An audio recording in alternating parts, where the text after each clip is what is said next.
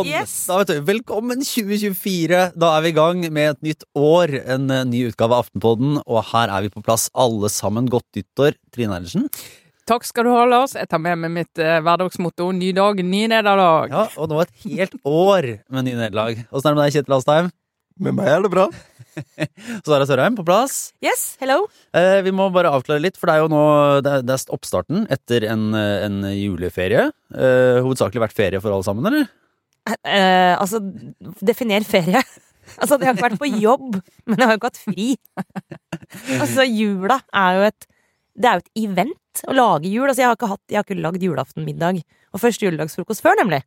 Oh. Du tok eh, begge, du tok Ja. begge på Jeg tok den skjerven, og det skulle kanskje bare mangle, liksom. Men jeg, jeg kan bare si at for det første, jeg ser min mor i et helt nytt lys. Mm. Unnskyld. Unnskyld, unnskyld for at jeg har vært så sur. Fordi at ikke du har deltatt i den interessante samtalen over et glass portvin og diskutert liksom året. Oppsummert året politisk. Tenkte sånn, mamma, hvorfor gjør du deg selv så kjedelig? Hvorfor står du bare på kjøkkenet? Og nå bare Herregud! Jeg hadde knapt sett barna mine, liksom. Altså, det er altså så utrolig slitsomt. Og så, så fortsetter du bare derfra. Det skal lages nyttårsaften og en del andre ting også. Så er sånn ja, altså, eh, jeg tror jeg må bare si at jeg har egentlig aldri vært så sliten etter en i hermetegn ferie noensinne. Jeg er bare så utrolig glad for januar. Åh, da- Kom, januar! Du milde, liksom. Ikke sånn i temperatur, men bare sånn det skjer ingenting. Takk Gud. Ja, for det, det er jo egentlig jeg tenker det er to skoler når man starter på et nytt år. Det ene er, nett, er den derre um, Yes, nytt år, nye muligheter. Jeg har 15 nyttårsforsetter og skal gå i gang uh, og bare liksom spise dette her. Det andre er jo sånn Og denne jula var litt for lang, litt tungt å komme i gang. Mm. Eh, hvor han er, altså Du har jo på en måte oppdretta en tredje kategori da, som er bare glad for at dette er ferdig. Altså, jeg gir helt F i januar. Liksom. Jeg bare Sprengkule er greit for meg, man kan sitte i det, men bare sånn bare, Januar for meg er bare ferdig med jul. Og det er nok. Det er nok, ja. ja. Nei, altså, jeg, eh, jeg tror helt fra studietiden så markerer jeg årsskiftet i august.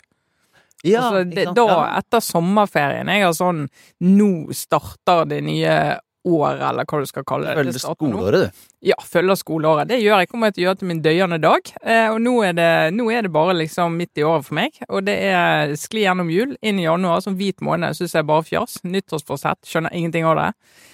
Du, enten så får du skru på livet og ambisjonene dine i august, eller så er det ikke noe vits i. Altså, jeg, hadde en, eh, jeg har en life hack eh, for de som måtte ha små barn, og en åpen barnehage. Jeg vil si, jeg kommer tilbake full av energi, eh, fordi eh, vi fikk tre dager med sånn voksenferie eh, fra ni til fire, da barnehagen var åpen. Begge barna var der. Eh, ikke si noe til dem, for de tror vi var på jobb. Bokstavelig talt. Men da muligheten til å spise lunsj, gå ta en skitur, gjøre litt sånne ting hjemme. Altså, for en gave. Beste, Det- det hele, beste, beste hele 2020. Det er perfekt. Jeg, jeg følger ikke skoleåret, jeg følger stortingsåret. Da, så, og det er jo Nå er vi jo på vei inn i vårsesjonen. Ja. Ja. Det er jo utrolig mye gøy som kommer. Langtidsplanen for Forsvaret. Forsvar, der skal de jo forsøke å få til et bredt forlik på Stortinget. Det blir kjempespennende. Masse penger. eh, Og viktig. Nasjonal transportplan. eh, Noe klimamelding. eh, habilitets, disse habilitetssakene skal jo Stortinget behandle. Kontrollkomiteen kommer med innstilling om en måneds tid. Og målinger, masse målinger kommer. Så du sitter og gleder deg hele jula til å komme Nei, inn, eller? det var tirsdag kom jeg på jobb, så skulle jeg skrive nyhetsbrevet. Tenkte ok, nå må jeg komme i gang, jeg må skrive om hva som skjer. Og så kom det var liksom den Det remsa med artige saker. Ja. Så da fikk jeg tenning. Og, og vi, kan, vi skal markere starten på 2024.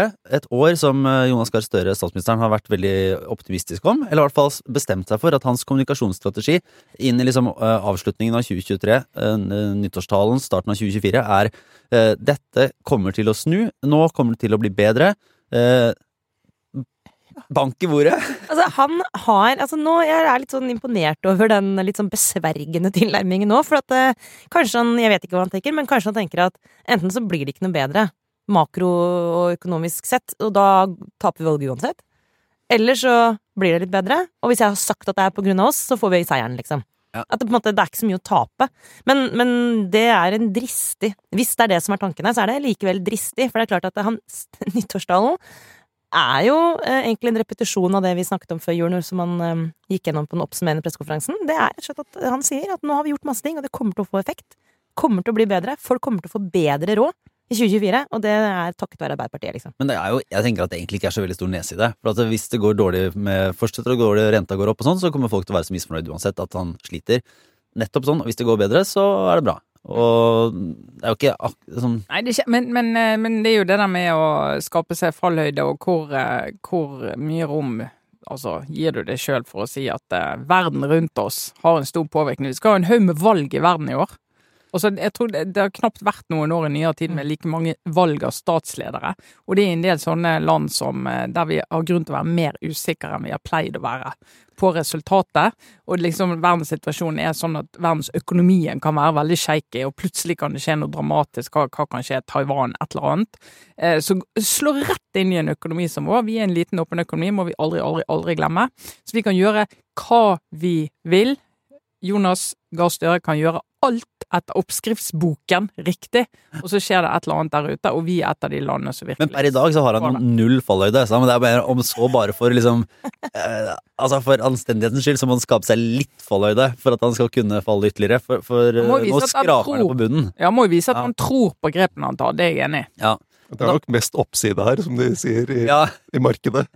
Men det, er, men det er lett å glemme når vi går inn i dette året, der, fordi man tenker ofte sånn Ja, hva, hva tror vi om 2024? Men som Trine er inne på, så, det, det- så Altså, det kan være Altså, mest sannsynlig, faktisk, vel, blir Donald Trump president i løpet av dette året som kommer, liksom, i USA. Altså, det må vi jo bare Altså, det er sånn som jeg kjenner at jeg ikke orker å ta inn over meg, men det Vi må vel egentlig det. Altså, i Afrika i 2023 var det rekordmange statskupp. Ja. Altså, det, det er sånn, sånn Du skal se demokratisk på situasjonen. Det er darkness all over the place. nei, nei, Så la oss snakke om noe annet. Ja, Ja. det, det som er altså Jonas Gahr Støre kan jo uh, potensielt glede seg over, uh, i hvert fall at du, Trine, mener at Arbeiderpartiet har funnet en, en sak som du, uh, du beskrev her i vår interne chat som, en, som genial. Ja, altså, velger, velger eh, faglig genialt. Jeg mener at eh, Kari Nessa Nordtun, eh, den ikke helt nye, men litt nye kunnskapsministeren fra Stavanger, eh, hun mener jeg allerede har vist seg som en ekstremt dyktig politiker, dyktig politisk kommunikator. Hvorfor det? Jo, hun har valgt seg noen saker som jeg tror hun kjenner fra sitt liv som lokalpolitiker, og så vidt jeg forstår gift med en lærer. Pluss at hun har barn eh, i skolealder. Eh, Så hun har fanget opp noe av det som eh, foreldre er mest opptatt av. Og vi har jo sånn skole, skole og skolepolitikk, det går litt sånn opp og ned, og ikke alltid det er så mye trøkk rundt det, og du snakker om sånn sakseierskap hos Høyre eller SV har liksom vært to sånne motpoler i det. Høyreskolen, SV-skolen. Arbeiderpartiet har vært helt usynlig i skolepolitikken, i hvert fall i min levetid. Eh, mens nå plutselig kommer hun, og så tar hun tak i en del av de tingene som foreldre og lærere, og dermed også elever, er opptatt av. Eh, og det er blant annet digitalisering i skolen, det er sånn lærernes autoritet i klasserommet, mobiltelefon i skolen, det er russetid, altså en del av de tingene som veldig mange snakker om, men som politikerne helt frem til hun kom, har de vært litt sånn Enten det må mer forskning til, eh, som vi, som vi for så vidt har sympati med, eh, eller litt sånn Du kjenner at de politikerne som har sittet og hatt dette som fag, jeg tror ikke de har kjent det nok på kroppen. Men hun har på en måte Min hypotese er at hun kommer fra en virkelighet som er så fersk, og hun tar med seg den virkeligheten inn i det politiske på nasjonalt nivå. Nasjonalt nivå. Og jeg merker i mitt, eh, mitt miljø og min ungdomskrets hun er en av de politikerne blir referert oftest til Mm. eh, nå. Men det, det jeg lurer litt på med akkurat den saken, da, for det dreier seg jo ikke sant, om å stramme inn bruken av si, digitale læringsmidler, om å stramme inn mobilbruken. eh, og så er det jo på en måte en sånn politisk sak som, som, eh, som der debatten kan bli litt sånn teknisk, for det ligger jo ikke sant, Det er snakk om å innføre liksom statlige regler og, og liksom Det er på en måte en, en sak som konstrueres litt også av politikerne, fordi de bestemmer seg for å si at vi skal ta noen overordna grep. Og så har jo debatten tidligere gått litt på sånn ja, men dette er grep som enten allerede tas i skolen, eller liksom uh, mulighetene for et lokalt selvstyre, teste ut, liksom ha fleksibilitet. Mm. Altså det er ikke sikkert at de konkrete løsningene ser helt annerledes ut. Enten man liksom kaller det et nasjonalt forbud med noen unntaksregler, eller når du kaller det et si, eh, nasjonal frihet med noen innstrammingsmuligheter. Mm. Det er jo litt sånn, så, så noe av det er rett og slett sånn politisk eh, ja, eh, ferdighet til å, å, å ramme inn en sak. Da. Helt enig, og jeg syns kontrasten til Tonje Brenna, som jeg opplevde, som, som en kunnskapsminister som var veldig sånn fjern fra hverdagen, eh, og som snakket om det på en sånn måte som gjorde at folk skjønte at hun, hun var egentlig ikke har har har ikke vært fingrene inne, i- inne, i- problemstillingen. Det var mye sånn sjablong og mye sånn eh, likhet i skolen og fellesskole og bla, bla, bla. Mens Karin Nessa Nordtun går et ett steg ned og inn i materien på en måte som gjør at mange kjenner det mer igjen. Nå har selvfølgelig jeg og barneskolen åpenbart eh, engasjert i mange av disse problemstillingene, men det er jeg jammen ikke alene om. Dette engasjerer folk, eh, og poenget mitt er bare at her har de en politiker som snakker veldig ordentlig og ikke partiprogramsk om problemstillinger som folk er, er opptatt av. Eh, og at om løsningene blir sånn clampdown på eh, alle skoler, det blir jo ikke det. Det har du helt rett i. Eh, men de kommer jo med noe politikk på dette området, og litt av utfordringen så langt er jo at alle har sett sånn det har vært liksom, Enten så er du for, eller så er du mot. Og så har det vært sånn Barna må lære seg digitalisering i skolen, for hele arbeidslivet er digitalisert. Mens alle vi som jobber i det digitaliserte arbeidslivet og har barn, vet at hvis det er noe du lærer deg helt av deg sjøl, så er det digitalisering. Det, er, det, her er jo en sak som Støre også har engasjert seg i over en periode. Og det var jo han og Tonje Brenna som satte ned det utvalget som mm. nå ser på altså erfaring med skjermbruk eh, og hva vet vi egentlig-utvalget. Eh, og så blir jo spørsmålet Og så kommer Northun inn og greier å, liksom, å, formidle det på en veldig god måte. Ja. Eh, effektivt sånn. Eh, og så Det som blir vanskelig, er jo det konkrete. Altså Hva er det de egentlig skal gjøre her? Fordi, og der hun, du ser, Hvis du går inn og ser hva hun sier, så driver hun og balanserer. Hun skal liksom ikke komme og forby ting på den måten eller slik. For de skal jo også gi lærerne rom for å være pedagoger og velge sine virkemidler. Det er, eh, og det samme har du litt sånn i der med, med diskusjonen om russetid. Der det er mange som ser, opplever at det, er, liksom, det har tatt helt av. Det er blitt et, eh, noe som bidrar til eh, at folk holdes utenfor og sånn gjennom tre år på videregående skole. Eh, og så er, det lett å si noe, dette må vi ta tak i. Og så er spørsmålet hvordan gjør du det? Mm. Og så skal du begynne å regulere hva, hva ungdommer Eh, har på seg, hva folk har på seg på skolen av klær. Så det er ikke, det er ikke helt enkelt, uh, enkelt det der. Så det, det, blir sånn Ja, hun har greid å treffe på noen budskap og greid å formidle det veldig godt. Og så blir det sånn Hvordan skal dette følges opp konkret? Det, er noen saker hvor ikke nødvendigvis løsningene og tiltakene altså, er målet med diskusjonen, da. Dette er et sånn type mm. saksområde. Altså, alle som har vært på et foreldremøte i skolen, vet også at liksom, med en gang det kommer liksom, en diskusjon om iPad, så er da, da, må du bare Ok, da er det tre kvarter til, liksom. Mm. Men, men, det man, men, men, det er også Det er ikke bare møteplageri. Det er fordi det er dødsvanskelig for foreldre mm. å håndtere, og det er, fins Så liksom, det fins ikke så mange gode løsninger på det. Men alternativet er jo ikke å ikke da liksom, ta opp problemstillingen. Men jeg veit da pokker, tror ikke Kari Nessa Nordtun vet heller. Men, Nei, men, liksom, men, jeg tror det som er litt forskjell på henne, da, og, en, og jeg syns jeg en, en, eh, god politiker, det er jo at du er aktiv på den måten at du sier veldig tydelig 'her har vi et problem', ja. og så liksom 'ja, hva skal du gjøre med det'? Så, så tror jeg det der å avkreve en litt sånn eh, konkret 'sånn skal vi gjøre det, her er tre trinn', men jeg tror bare det der med russetiden det er at du får i gang en sånn diskusjon, for det, det hører vi jo rundt oss jo, foreldre sier nei, det er bare kjempegøy og dødskult, og det er de foreldrene som har unger som er helt på innsiden av russegjengen og syns det er så gøy og spennende tid, og de får være entreprenører og lage russebilbutikk og alt det der, og så er jo de foreldrene som har barn som ikke er med på dette her, og det er så brutalt, så hardt. Og bare det at du får en diskusjon om det som gjør at liksom folk kan snakke om det, og kanskje høre hverandre i det, bare det er jo en revolusjon. For det har jo bare vært sånn nei, det må de styre sjøl, det må de styre sjøl. Det, men jeg synes jeg leste jo den der første det skjermbruksutvalget, veldig interessant utvalg.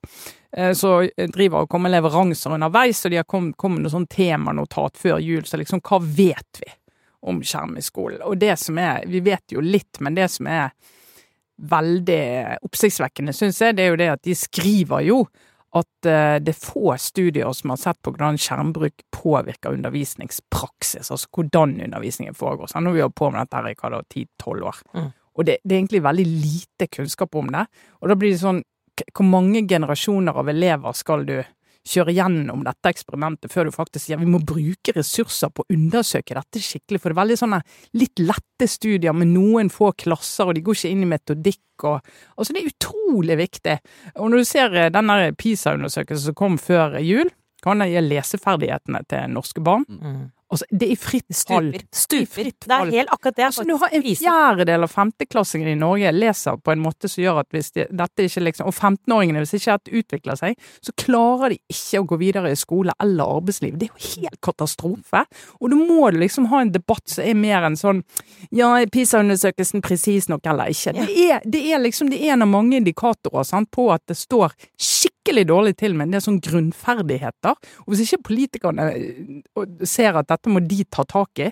Og der mener jeg Kari Nessa Nordtun har en holdning til det som gjør at hvis hun bare kjører på nå, så kan hun faktisk ta tilbake en del av disse problemstillingene. For de andre partiene de er jo tafatte. De klarer ikke å respondere. Det er jo litt interessant eh, nettopp altså Høyre, da, som, eh, som egentlig prøvde seg Eller deler av Høyre prøvde seg ved landsmøtet i fjor eh, å, få dette på agendaen ved å på en måte gå inn for at Høyre skulle støtte et mobilforbud i skolen. Mm. Eh, Men de blir jo faktisk da nedstemt på landsmøtet.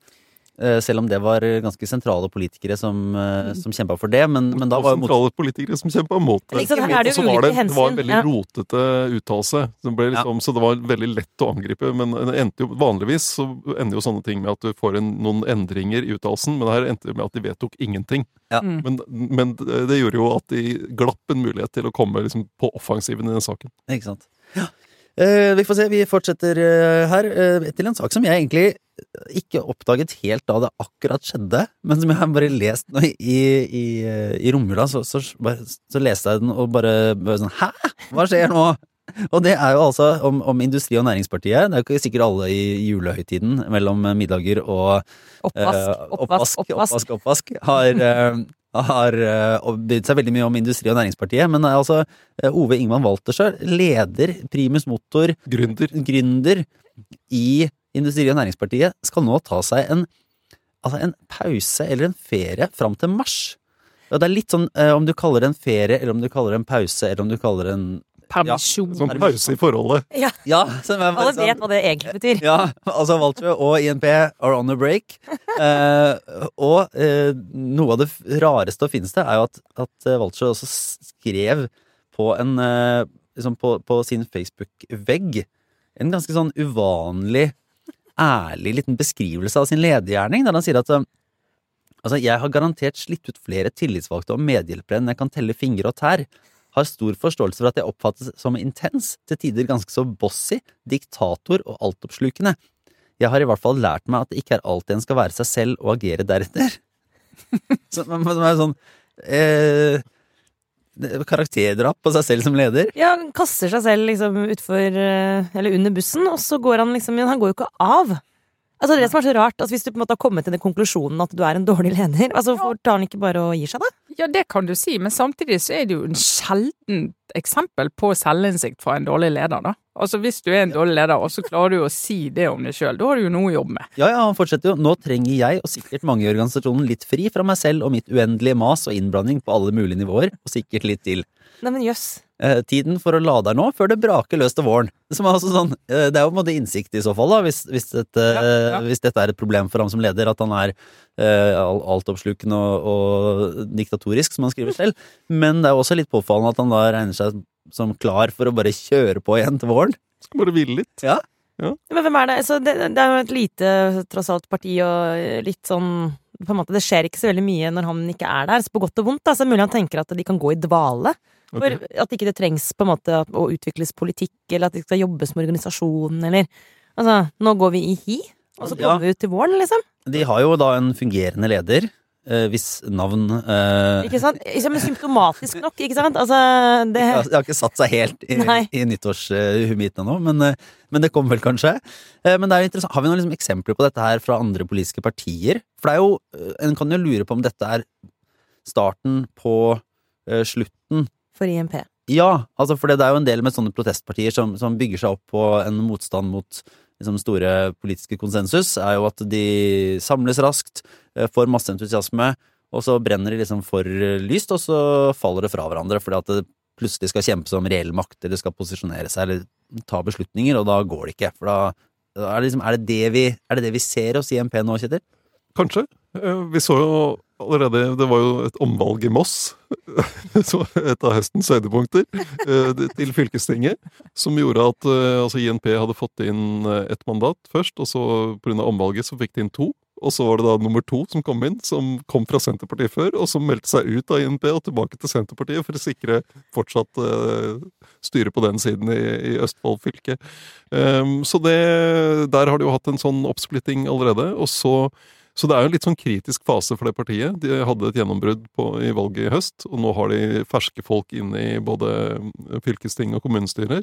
Og det da at eh, lederen tar en timeout, det Eh, Det kan jo gå bra, men det kan jo også gjøre at folk, eh, folk diskuterer jo allerede nå hvem skal de eventuelt ha som eh, ny leder hvis han går av. Mm. Og han har jo vært opptatt av å ha veldig god kontroll, fordi han har visst at den type partier er sårbare for, for mye rart da, i, i den voksefasen.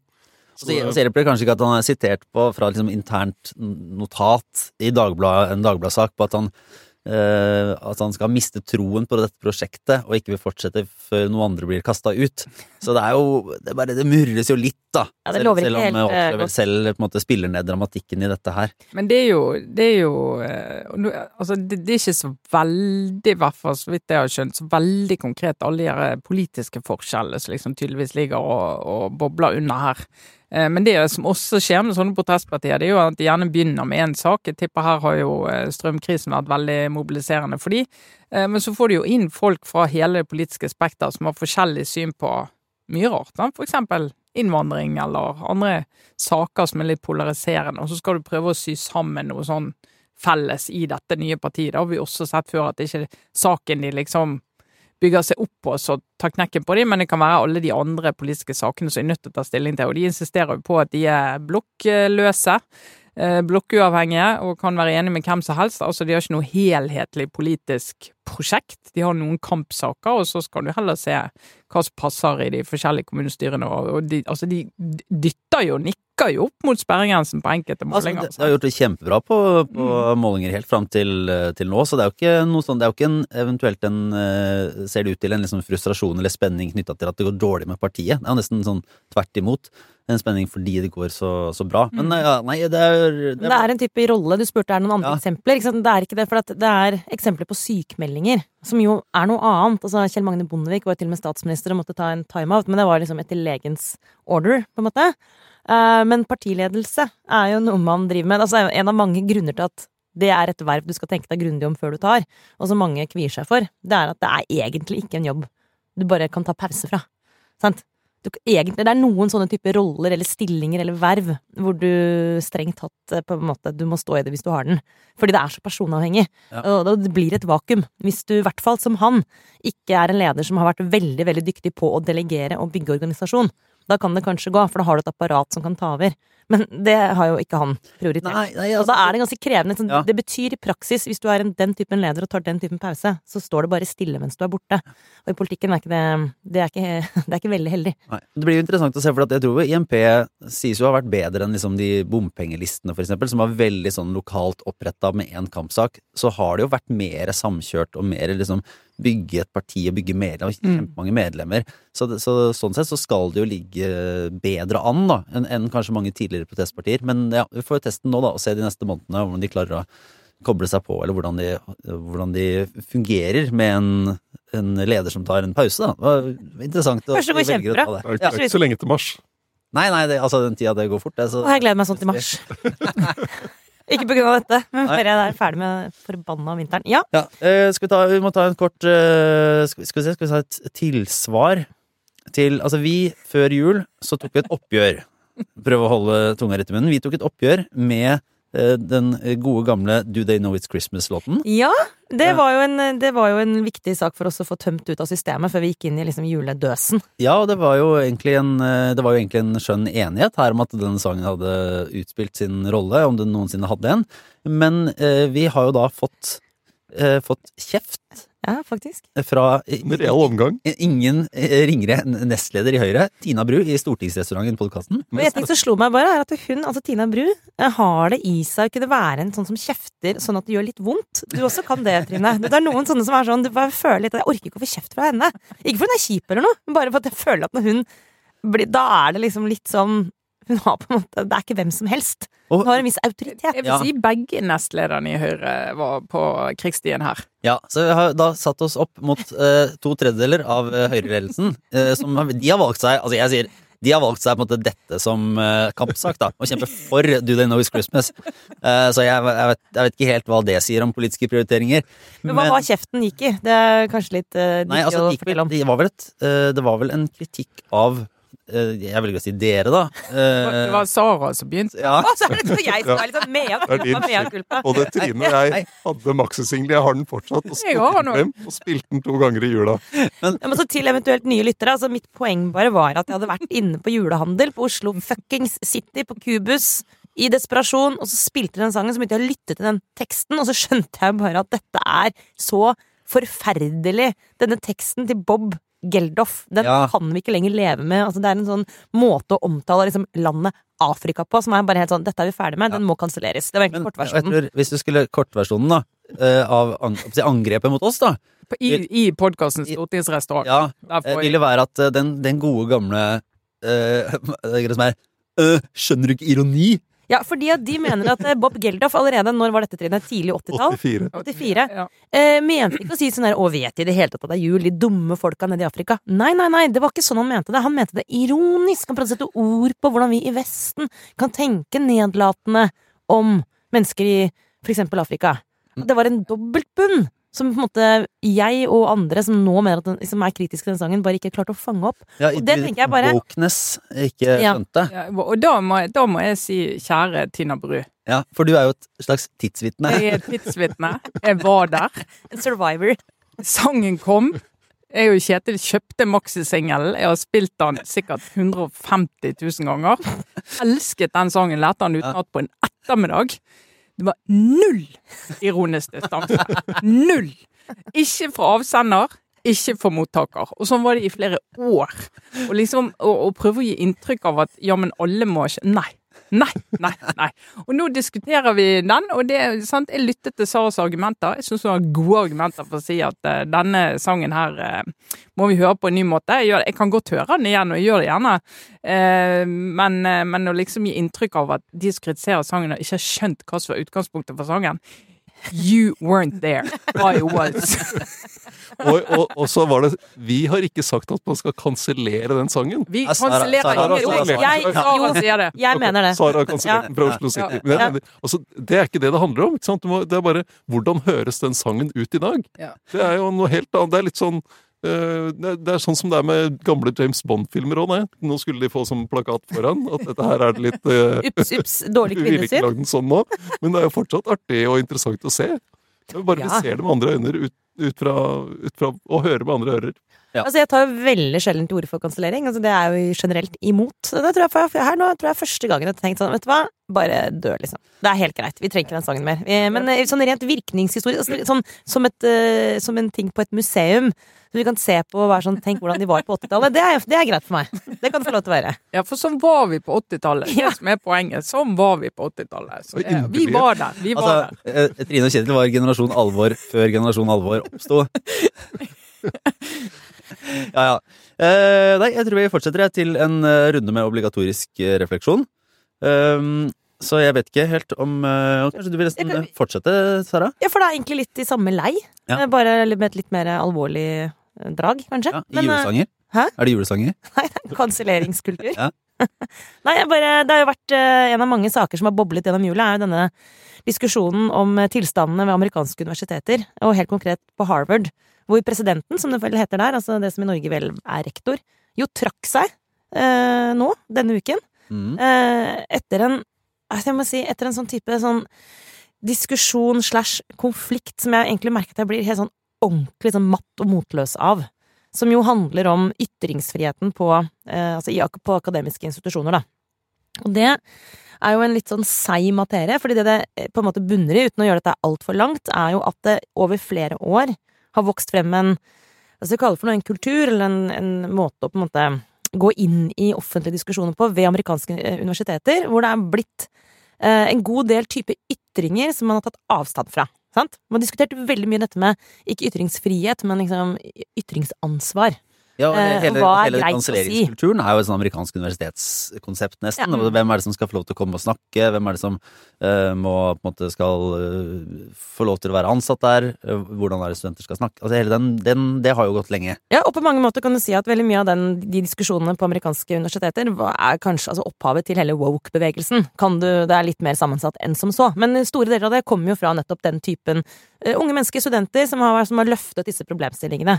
Og du kan godt eh, legge til grunn at det er liksom med de beste intensjoner, altså. Det er ikke noe sånn. Men, men det er bare det at det, konsekvensen av det har blitt en veldig uheldig eh, måte, altså offentlig debatt, hvor du har vært mer opptatt av hva som er greit å si, enn å faktisk diskutere saker. Eh, og dette har jo da opprørt eh, store deler av amerikansk høyreside, ikke sant, og det er den klassiske kulturkonflikten hvor du har, hvis du setter det litt på spissen, du har liksom venstreorienterte engasjerte, ofte unge mennesker, som er opptatt av hva som er greit og ikke greit å si i offentligheten. Og så har du høyreorienterte, som er opptatt av at eh, denne måten å drive det som de vil kalle for kansellering på, er liksom i strid, konkret i strid med ytringsfriheten. Og så snur alt seg på hodet eh, denne vinteren med at du får samme diskusjon, men med motsatt fortegn. Som altså ender med, nå, crescendoet, at eh, presidenten ved Harvard må gå fordi hun ikke har klart å ta avstand fra ytringer eh, knytta til konflikten på Gaza, eh, som, hvis man i hvert fall tolker det på den måten, da, har vært veldig Altså, vi kan si Noen hevder at det har vært ytringer som har gitt Israel liksom skylden for alt av konflikt i Midtøsten, inkludert Hamas i terrorangrep. Nå merker jeg at jeg blir bare sånn helt dødsredd for å si noe feil selv. Ja. Men denne rektoren har, klart, har ikke tatt avstand fra den typen ytringer, og nå har hun da måttet gå fordi hun ikke har klart å kansellere sine egne studenters ytringer. Hang dere med? Ja, ja, det, er i hvert fall, øh, hvert fall et øh, godt stykke. Mm. Ja, og da er det egentlig Da kan man bare konstatere at da er sirkelen sluttet. Da har hun på en måte falt for eget grep. Ja, for det er vel det som er anklagen, at, at siden hun måte, de, de, Det hun da syntes var så vanskelig, og den, de prinsippene hun på en måte opprettholdt i sånn uh, akademisk ytringsfrihet, og at man ikke skal fordømme, at man ikke kan liksom, kaste ut basert på ytringer og sånn, det er egentlig liksom på tvers av praksisen som har vært på Harvard og andre universiteter tidligere, Mm. Uh, i forbindelse med Black Lives Matter og andre, andre Med transdiskusjonen og sånt. Ja. Det alt det der kommer inn. Og så kom det vel, men det var vel også, en, eh, det var vel også noen sånn uh, betimelige eller, altså, spørsmål om, om plagiat, som også er litt sånn tricky for en Ja, det som også skjer ved Harvard. Ja, det som skjer, ikke sant, og det som er så og Derfor jeg sier jeg blir så matt av det, det er at diskusjonene blir veldig vanskelig å liksom forholde seg til. Fordi når hun da eh, ble utnevnt, og det er jo bare nå i sommer, hun har sittet der som rekordkort den perioden, det er noen få måneder bare hvor hun har hatt den rollen, eh, så ble hun jo kritisert for, og, og styret ved Harvard ble kritisert for at hun fikk den rollen fordi hun passet perfekt inn eh, var politisk korrekt utnevnelse. Eh, og så har det vært en motkampanje for å få henne fjernet igjen, og da har de lett etter hennes svakheter, formelle svakheter, og da har det dukket opp denne plagiatsaken. Så den formelle årsaken til avgangen er en plagiatsak, men den utløsende årsaken er jo denne, denne store, veldig ideologiske konflikten som handler om identitetspolitikk og woke og de diskusjonene. Men det gjør det helt umulig. Altså, det som gjør meg så matt, da, for å komme til det poenget, er at det er ingen reine pucker. Eh, Det er, det er ikke en ren anklage, det er, ikke en, det er ikke en faktisk diskusjon om faktiske ting. Det er en sammensauset gjørme av anklager som er ulne, og hvor du opplever at anklagene egentlig handler om noe annet, sant? som går på veldig sånn identitet, eh, etnisk tilhørighet, politisk tilhørighet, som gjør det til slutt helt umulig å forholde seg til. Og det det, det ender med, den store taperen, er jo at du får ikke en offentlig debatt som fungerer. Og du får heller ikke akademiske institusjoner som gjør det de skal, som er jo å drive sannhetssøken, og egentlig utelukkende det. Det er det forskerne? Den akademiske friheten, hele grunnen til at det er så ufattelig viktig å kjempe for den, er jo at det er på en måte, det er forskeretikken. Du skal ikke være politisk eh, motivert eller drevet, heller ikke økonomisk. Du skal jakte på sannheten. Det er en veldig renhårig, edel motivasjon for å gå inn i forskning. Og så skjønner jo jeg også, jeg er ikke helt naiv, at det, sånn er aldri virkeligheten, men det prinsippet er så ufattelig viktig liksom, å kjempe for. Og det er der disse lederne ved amerikanske universiteter har liksom mislyktes. Men, men tenker du at de har rota seg bort tidligere ved å på en måte begi seg ut på for mye liksom strenghet og dom, eller tenker du at de bare burde vært strengere i utgangspunktet, blant annet i denne høringen der hvor disse rektorene ble utspurt i Kongressen om, om, eh, om eh, hvordan de håndterte eh, studenters uttalelser om, om eh, 7. oktober? Ja, men for nettopp det, og her skriver Anine Kierulf veldig godt om, syns jeg, i en kronikk i DN. Vi kan legge ut den i, i nyhetsbrevet, Lars. For hun, det hun er opptatt av, og som jeg mener er et veldig godt poeng, er at problemet er ikke det som har skjedd nå. Problemet er ikke at ikke Harvard-presidenten tok avstand fra uh, uttalelser som, eh, som i verste fall kan føre til eh, økt antisemittisme. Det er ikke problemet. Problemet har startet med at man i det hele tatt har gått ned den veien om å begynne å skulle ta avstand fra ytringer som er innenfor loven. Altså, det skal ikke universitetsledere gjøre. De skal kjempe for ytringsfriheten til sine ansatte, uavhengig av politisk innhold. Det er det, det, er det og det vi ser nå, er bare en følgefeil av at man helt tatt har åpnet for at man skal drive og kansellere akademiske ytringer fra ledelsen ved universiteter. ja, og, og ikke bare det. altså Det har jo blitt mer og mer på amerikanske universiteter at da, studentene har liksom krevd avganger fra forelesere av ting de har ment. eh, Ikke av ting de har gjort, og på grunn av ting de har skrevet. Sånn at det har blitt en veldig sånn kultur og, og eh, kampanjer mot mikroaggresjon. Eh, veldig sånn beskytte folk mot krenkelser, både i undervisning og sosialt på campus. Og du har ikke skilt mellom det. Eh, og så kommer du nå hvor hun eh, Gay, som hun heter da, Harvard-sjefen, ja. blir spurt i en høring i Kongressen er det brudd på Harvards code of conduct at noen roper og går inn for folkemord på jøder. Og så, med det bakteppet, så er det jo da en forventning om at hun sier ja, selvsagt er det et brudd på code of conduct, herlighet. Mens det hun sier er at det kommer an på kontekst. Mm. Som er et legitimt svar. Men da må du jo si det alle de andre gangene òg. Så problemet hennes er at hun har ikke ytret det før. Da har ikke kontekst vært viktig. Da har hun for eksempel ikke sagt at nei, men nå er vi i en universitetskontekst som gjør at det må være veldig, veldig høyt under taket for type ytringer. Og ja, vi må risikere at noen faktisk blir lei seg, at noen blir krenket, at noen blir såret. Det er en del av det å delta i, i en sånn sammenheng på et sånt sted. Eh, og så får vi heller ta tak i det hvis noen blir truet eller redd, som vi selvsagt skal. Men de, de, har ikke, de har ikke gjort forarbeidet her, da. Og vi hadde et godt eksempel i Norge. Altså nå rett før jul så gikk jo rektoren på NTNU i Trondheim gikk jo av etter en sak som Den er annerledes, men den har noen av de samme elementene i seg, sant? Hvor det var en forskningsrapport som hun gikk ut mot, eh, i, også i DN, egentlig, ikke tok avstand fra. Og så kom det frem i ettertid at hun også hadde mm, vært i dialog med oppdragsgiver, eh, NHO, som jo var veldig kritisk til at eh, forskere ved NTNU gikk ut og kritiserte en rapport som de hadde betalt for, og så fikk de rektoren til å gå ut og, og ta den saken, og det endte da, for i kortversjon, med at hun trakk seg, fordi hun hadde gått, gått over grensen for hva en universitetsleder skal gjøre, eh, i forhold til å forsøke å regulere eh, vitenskapelig ansatte sitt ytringsrom, da, ikke sant. Og det, det, når du går over den grensen, så er det beklar, da mister du tillit. Eh, og det åpner jo for en problemstilling som i Norge er relativt begrensa, fordi våre universiteter og akademiske institusjoner er jo i veldig stor grad offentlig finansiert, men du har jo eh, ganske mye oppdragsforskning også i Norge.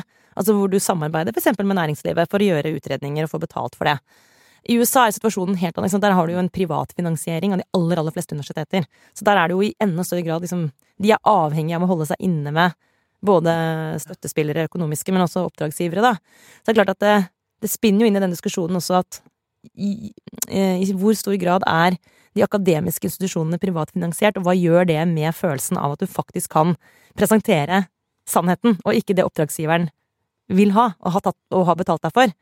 Så det er en ganske sånn eh, Det er en, det er en diskusjon som Det har også vært et element i den saken her, Ja. og rundt i altså den høringen i Kongressen og sånne ting, at du har de, altså økonomiske bidragsytere til disse universitetene som har lagt press på, på de rektorene. Så det er, og I tillegg kommer hele diskusjonen da om, om eh, at disse institusjonene har hatt mål om mer mangfold. Og så er det de som kritiserer det, og mener da da får du, inn, får du ansatt folk som ikke er egentlig er kompetente og gode nok. Så er liksom alle de diskusjonene på en gang. Men eh, ja, skal, jeg- skal jeg eh, gå videre? Det, det, er litt, ja. eh, det er litt beslektet, men Ja. litt, min, litt mindre alvorlig på én måte, okay, ja. vil jeg si. Eh, og så bare si inngangene. Jeg så det siste Ricky Gervais-showet på Netflix. Ja. Eh, det, det var ikke like gøy som det forrige, men det var noe sånn. Men inni der så var det han som satte meg på sporet av dette, og han forteller om et nettsted som heter Does the Dog Die? Ja. .com. ja altså? Does the Dog Die? Og det er altså et nettsted. Han tar jo utgangspunkt da i eh, Han forteller en sånn sketsj om at eh, hans eh, kone syns det er så trist når dyr dør på film. Så hun vil ikke se filmer der dyr dør, hunder dør.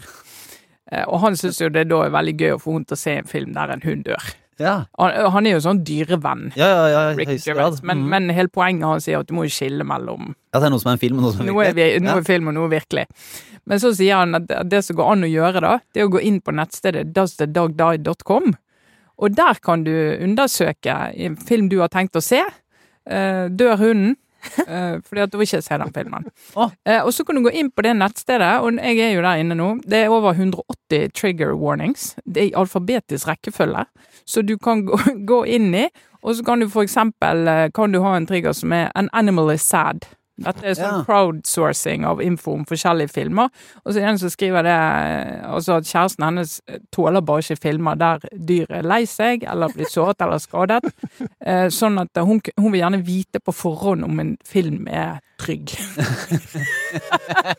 sånn, sånn at de kan ha en, en hyggelig, hyggelig film eh, sammen. Da ser du jo alt sånn Blir noen skadet? Altså misbruk, overgrep.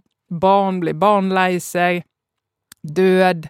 Drugs, alkohol. Så alt over 180 trigger warnings, så du kan bare gå igjennom. Eh, og så skriver folk litt sånn hva de føler hvis det kommer en sånn i film, så de går inn og legger inn konkret. For jeg vurderer denne filmen her. Ja? Ja. Vil dette skje er- der, for ja. da kan ikke jeg se den.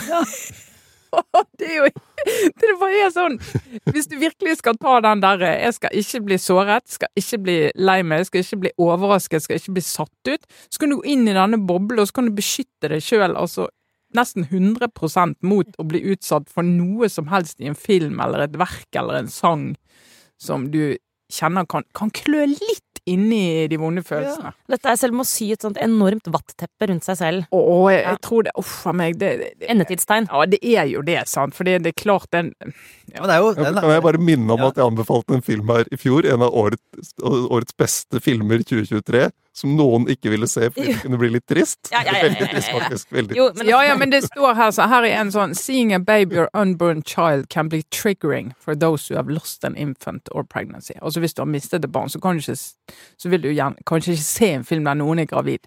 Altså, Nei, ja. hallo, liksom. Det er jo det du må. Jeg trodde du skulle si sånn, og det skjønner jeg jo. Nei, nei, nei! Men det er jo, for det, det er jo litt sånn Skal du ned på T-banen, der er det jo en som er gravid. Ja, Altså, kan det, det, det er liksom noe Ja. med at uh, Eksponeringsterapi. Ja, det hele den er logikken, da. Mot det er- at du skal beskytte deg sjøl mot absolutt alt som kan skape ubehag inni kroppen. Jeg tror, jeg tror det, det er Jeg så på jo- Han er veldig god som trekker fram akkurat den. For jeg, og jeg synes jo, for det er interessant, jeg la, la merke til Trine, at du sa at du mener at den ikke var like morsom. For jeg satt og så på den jula, jula. Den, den, ikke, den starter ikke like morsomt som den forrige eh, spesialen på Nei, Netflix. An- Anarund, da, som er gøy, for all Ja. del. For all del. For den forrige, som eh, vel het Inhuman, eller var det den aller første? Humanity. Humanity. Ja. Den hadde sånn ti minutters åpning som er helt sinnssyk. Ja. Som er det morsomste jeg har sett. Også, men så blir den litt kjedelig. Mens denne her, som heter Armageddon, hvis jeg Ja. husker feil, den kommer sånn snikende på. Mm. Du må liksom, og det er ikke sånn hysterisk latter uh, før en god stund uti, men han har noen poenger der som er så drøye at jeg overhodet ikke Altså, jeg får helt sånn jeg klarer ikke å snakke om Midtøsten engang uten å liksom bare miste tråden. Ja. Er redd for å si noe feil. Mens liksom, å sitere han Han det. Altså, Ja. det tør ikke jeg, men jeg anbefaler å se den, altså. Ja da, absolutt. Det, det, han, han slår fast at han er nå blitt woke, og så kan du jo Så jeg lurer på hvordan henge med på Ja. hvordan det, det henger sammen. Men det, det er noen resonnementer Ja. der. Eh, Åssen er det med deg, Jeg har sett en film med en hund i. Er det sant? Ja. Ble den lei seg? Det- Døde. Det vil jeg ikke røpe, faktisk. Folk får ta sjansen leve litt farlig. Ja, eventuelt sjekke på den. Særlig hvis den er sad, for det, mener jeg, sånn, det er ikke bare at den er skadd, men at den er litt Altså, den filmen er så sad. ja. Var det jeg- ja. Satt og så på Lassi? En finsk, en finsk film.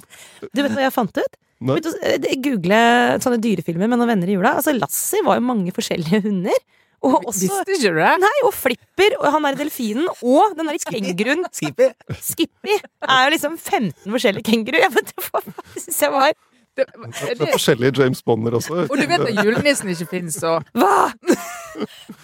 Nei, men er ikke det litt sånn Altså, Ja, ja, okay. svindel er det. Jeg føler det var litt svindel. Ja. Så hvis det er det du skulle si, Kjetil, så Nei. Men det var, det var ikke Lassi?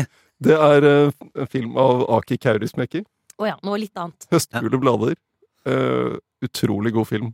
Og et helt magisk øyeblikk fra en bar der, eh, der eh, et band fremfører verdens tristeste sang.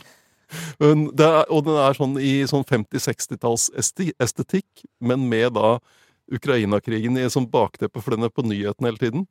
Så, men eh, en kjærlighetsfilm. Hmm. Veldig fin. Og vi kan dele den anmeldelsen fra Ingrid Aabergsjord, som Men går det bra? Blir de sammen, liksom? som ga den eh, toppscore. Ah, Og dette skal du vite. Du kan gå inn på Men det, det vi- altså, det Dusty Dog Die. Ja. Du kan gå inn på Dusty Dog Dine, og der kan du òg sjekke og det, det, Jeg må bare jeg klarer ikke helt å gi meg, for du kan sjekke og da, om det er nakenscener i filmen. Og det, sier, det står her at det er veldig viktig å vite i tilfelle du skal se filmen med Om den er passende å se med familie og et utvalg venner. Men det er jo det, det er jo de vittigste situasjonene i en familie. Det er hvis det kommer scener sånn at hele plutselig tenker å nei! Så alle blir så ja. flau inni seg. Husker du du så sånn når du var tenåring, Ja. plutselig kom det noen puberteten eller et eller annet, så du bare tenkte eller sex på TV, foreldrene dine så du bare nei, nei, nei! nei, nei. Det er Det er det, det, det, det dette som bygger familie. Ja! Det er det en familie er. familie. Det er det familie er. At du plutselig er helt ute av synk på De jobber, er de jobber stadig vekk for å være i synk, og så kommer det noen som bare Oi, oi, oi, oi, Så kjenner du på at dette er folk man har et helt spesielt bånd til. Eh, jeg, kan, jeg kan jo faktisk gå videre. Så kan jeg anbefale en, eh, en, en god gammel, det er lenge siden, en podkastanbefaling. Ja. Eh, og den er aktualisert. Den podkasten i seg selv er fra 2001, men den heter altså Fat Leonard. Så det er en slags trigger warning der. Hvis man, eller, 2001? Nei, nei, unnskyld, 2021. Ok. Oh, ja, ok. Beklager. Det var, eh, 2001 var liksom før podkast eksisterte. ja, ja. Navnet på den podkasten går rett inn i Dust and Dog. Det er trigger warning. Jeg bare sier det. Ja. Så uh, den, den handler da om en uh, Leonard Francis, som egentlig er en malaysisk forretningsmann og lurendreier, som, uh, som, som eh, bygde seg opp en enorm formue på å på det levere varer, men da hovedsakelig også svindle og selge til overpris til amerikanske marinen og forsvaret. Som driver med hele den stillehavsflåten og, og sånne svære skip og det som var, var her i, i Oslo. De seiler jo rundt nede der eh, stadig vekk. Eh, Og når de kommer til kai, så må de liksom kjøpe inn masse ting, og det solgte da denne Leonard eh, til overpris, og så fikk han inngått kontrakter, blant annet fordi han jevnt over serverte disse toppene med narkotika, sprit, prostituerte, frisørtimer, klokker Altså, god, det er, det er Du trekker frisørtimer litt ned i søla, liksom. God gammeldags sånn reinspikka korrupsjon da, som han drev med og, og holdt på med. Og så ble han til slutt Så ble han jo tatt. Og så eh, fikk han vel da et slags inntrykk av at han var i ferd med å få all skyld for dette her. Og at, og at eh, amerikanske forsvaret ikke ville ta inn over seg at dette var liksom en etablert kultur. Strukturelt problem. Ja, så det var jo altså strukturen eh, var veldig sentrert rundt han, da. så jeg, Men han hadde jo kunder. men han hadde kunder, ikke sant? Det, det var et eh, marked der. Så det han eh, fikk gjort, det var at han fikk da smugla Han eh, endte opp i en slags sånn husarrest i et sted i California, tror jeg. Og så fikk han smugla inn en altså han fikk, vel, fikk inn en britisk journalist som hadde med seg en opptaker. Og så har han da sittet og så har han fortalt måte, hele historien om alt dette her i podkastform. Mange episoder. Eh, til en etablert, dyktig britisk journalist. Så det er fascinerende å høre på. Eh, og så har det jo seinere har det jo også da blitt jeg tror det er en sånn over 25 tidligere forsvarspersonell som er dømt det, i denne saken. Okay. Så det, har jo på en måte blitt mye av det altså det han, han har ført notater, han er jo forretningsfyr, så han har dokumentert all den der korrupsjonen. For han ville jo også ha noe på disse stort sett gutta, eh, kan jeg røpe. Så, så, så det er liksom Det er en kjempefortelling. Og aktualitet. Det er en slags spoiler, men jeg tror ikke det er en del av historien. Han, eh, for da ikke så fryktelig lenge siden, i fjor eller noe sånt, så rømte han fra husarresten sin og reiste ned til Venezuela og stakk av. Og nå, i forrige uke, eller helt, helt nylig, så er han del av en sånn eh, fangeutvekslingsavtale mellom USA og Venezuela, så nå er han tilbake i USA. Så det er et, et ekstremt dramatisk liv, og, og den siste omregningen er ikke del av eh, Fat Leonard-podkasten, men, eh, men det er vel verdt, å, vel verdt å høre. Den er uh, utrolig fascinerende på hvor ja, det er ikke bra system. Er, de, jeg vet ikke om de trenger et forsvarsbygg eller forsvarsinnsats. Det er et eller annet. Det er, det er, er merkelig. Men det er underholdende. Det er underholdende. Ja. Og øh, det, er så, det er ikke så veldig, sånn, veldig avansert lagd, egentlig, men, men, men det er jo sinnssyk tilgang, da, fordi at han forteller bare helt sånn åpent og drar andre med seg i, i fallet. Da kan jeg også anbefale veldig kort, eh, hvis man bare ønsker en historie som er sinnssyk, så kan man høre den der Mysteriet Adam, som eh, NRK har laget som podkast nå. Den er større, ja. Ja, og det er en veldig, for de som har, altså det er ikke noe nytt i den saken, det er en veldig mm, kjent sak, egentlig. Den var omtalt i aller høyeste grad den gangen det skjedde. Det er en vanvittig historie om en ung gutt som begynte på Marienlyst skole i 2007. Men for de av dere som ikke da husker den nyhetssaken, så vil jeg bare si at you're in for a treat, bortsett fra at det er jo en fæl ting å si om en så grotesk sak. Men det er en vanvittig historie. Det er en vanvittig historie. Ja, jeg, jeg husker bare sånn omtrentligheter rundt, så jeg har en mistanke, men jeg, jeg vil jo da ikke Jeg vil ikke sjekke opp uh, Dog Die på, på hva dette inneholder. Altså, det er den, den historien, som altså heter Mysteriet Adam, den er en, det er en historie som eh, Den er en av de drøyeste eh, jeg har vært borti noen gang, og den blir liksom godt og spennende fortalt. Så hvis ikke du har hørt om denne historien, eller ikke husker helt hvordan den var, så kan du i hvert fall få den fortalt på en veldig eh, Spennende er en mildt sagt måte på, på denne podkasten. Så det er en anbefaling. Så kan vi bare si, dette er jo en åpen episode denne uka her, så, så det kan jo være de som ikke har kommet seg inn i, hos eh, Aftenposten eller i Podmy for å høre eh, de ukentlige episodene, så må jo det bare gjøres. Eh, Og så kan jeg si at nå er jo nyhetsbrevet vårt, som du kan melde deg på på aftenpodden.no, det er nå åpent for alle, og der kommer jo lenker til det vi har snakka om, og, eh, og en ukentlig politisk quiz, så den må Og- man bare melde seg på. Og Lars, På søndag. søndag er jo makta i gang igjen, og det er også vi. Ja. Ja. Fra mandag formiddag så ligger det en fersk episode av vår Snakke oss gjennom makta på NRK. Eh, spesialer, som vi fortsetter med helt til eh, The Bitter End, og gleder oss veldig. Absolutt. Så den ligger også da hos, hos Podme og i Aftenposten-appen, så det lønner seg å være abonnent da for å få med seg alt det vi kan levere. Men eh, vi får bare si takk for følget i dag, og godt nyttår til alle gode lyttere. Godt Og så er vi tilbake to ganger i hvert fall neste uke. Ha det bra. Ha det! I Norge elsker vi når kongen tar trikken. Velkommen eh, hjem til meg her på Ildseng. At Erna spiller Candy Crush sånn som oss. Den beste boken du har lest, eh, det er alle Harry Potter-bøkene. Men hvorfor later politikerne som de er som folk flest? Elite, jeg? Nei. Hør sesongens siste dypdykk om elita hos Aftenposten eller Podme.